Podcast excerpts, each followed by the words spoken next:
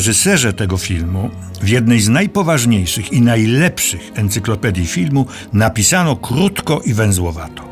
Realizował filmy w różnych krajach europejskich, ale znany jest tylko z jednego ważnego utworu. Większość jego pozostałych filmów jest rutynowa i cukierkowata. Warto więc poznać ten jeden, jedyny godny uwagi film, który rzeczywiście przeszedł do historii kina światowego. Nosi tytuł Gdzieś w Europie i wszedł na ekrany kin węgierskich, bo to film naszych bratanków, w roku 1947, po czym obiegł dosłownie cały świat. Również w Polsce wyświetlany był swego czasu z wielkim powodzeniem. Akcja filmu rozgrywa się, no, jak sam tytuł mówi, gdzieś w Europie. Ale możemy to miejsce jakoś zlokalizować. To środkowa Europa, gdzieś nad Dunajem. Natomiast dokładnie określić możemy czas akcji. To lata tuż po zakończeniu tej wielkiej katastrofy, wielkiej tragedii, jaką była okrutna i krwawa II wojna światowa. Dopiero kiedy zamilkły okrzyki radości i ucichły salwy zwycięzców, i nastał czas upragnionego pokoju, okazało się, jak niewyobrażalnie bolesne i rozległe spustoszenie fizyczne, materialne, duchowe ta wojna spowodowała i pozostawiła.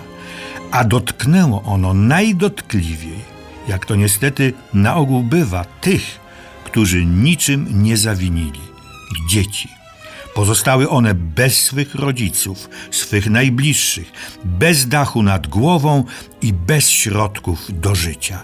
Błąkają się po drogach i bezdrożach, nocują gdzie się da, zdane są wyłącznie na siebie. Co gorzej, spotykają się z niechęcią czy nawet nienawiścią dorosłych, są bowiem obce, obdarte, coraz bardziej agresywne, bo są głodne i coraz bardziej zagubione, zdesperowane. Łączą się w grupy, a właściwie bandy, by zdobyć żywność. Napadają, włamują się, rabują, dopuszczają się czynów coraz bardziej brutalnych. I grupa takich dzieci to bohaterowie filmu Gdzieś w Europie. Ich dramatyczne, tragiczne losy pokazano realistycznie w sposób przejmujący, wstrząsający w pierwszej części filmu, jak napisał historyk filmu. Tragizm sytuacji moralnej ilustrowała scena rzeczowego, chciałoby się rzec fachowego, zdejmowania butów z nóg wisielca. Część druga ma nieco inny charakter – Dziecięco-młodociana banda trafia do leżącego na odludziu zamku, na pierwszy rzut oka niezamieszkałego, opuszczonego. Znalazł tu jednak schronienie samotny, sławny kiedyś muzyk, pianista i dyrygent, doświadczony srodze przez wojnę, chcący odseparować się od okropności i niegodziwości świata. I to on przyjmuje tę swoistą bandę oferuje im lokum i jedzenie. Co więcej, postanawia, mówiąc górnolotnie, uratować ich dla świata i dla nich samych. Nie odbywa się to jednak bezboleśnie. Oto despotyczny, brutalny, bezwzględny wójt pobliskiej wsi usiłuje na czele podjudzonych chłopów wypędzić dzieci, stanowiące, jego zdaniem, zagrożenie dla spokoju i dobytku mieszkańców. W trakcie tej gwałtownej konfrontacji ginie mały chłopiec, ulubieniec pozostałych dzieci i pianisty. W finale Opowieść tę wieńczy happy end.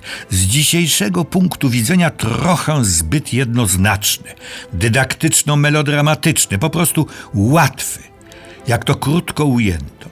Pianista uzyskuje urzędowe prawo do terenu zamkowego, zostawia na nim podopiecznych, sam zaś wyjeżdża koncertować na świecie, by zdobyć środki na ich utrzymanie. Nie zapominajmy jednak, film ten kręcony był rok po zakończeniu wojny, więc ten nadmiernie uproszczony optymizm był mimo wszystko na miejscu. Ale siła gdzieś w Europie nie polega jedynie na samej fabularnej opowieści. Wartością nadrzędną jest jego forma. Dynamiczna, precyzyjna i oryginalna inscenizacja, ekspresyjne zdjęcia i co szczególnie ważne, znakomita, przekonywająca i porywająca gra całego zespołu małych aktorów. Twórcy tego filmu czerpali hojnie i twórczo z najlepszych doświadczeń kina lat poprzednich. Niemieckiego ekspresjonizmu, radzieckiego realizmu, szczególnie unikalnego dzieła Bezdomni Nikołaja Ekka oraz własnych węgierskich tradycji. Wszak współscenarzystą, szerzej współtwórcą Gdzieś w Europie był Bela Balasz, wybitny rangi światowej, teoretyk i praktyk filmowy. Reżyserował filmy jeszcze nieme. Pisał opowiadania, scenariusze, nawet libretta dla samego Beli Bartoka. Walczył o film będący autonomiczną dziedziną sztuki.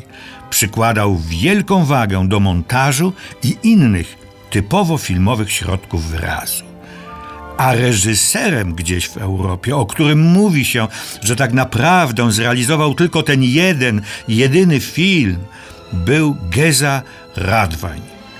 Czy rzeczywiście tak było? Może wrócę jeszcze kiedyś do tego pytania.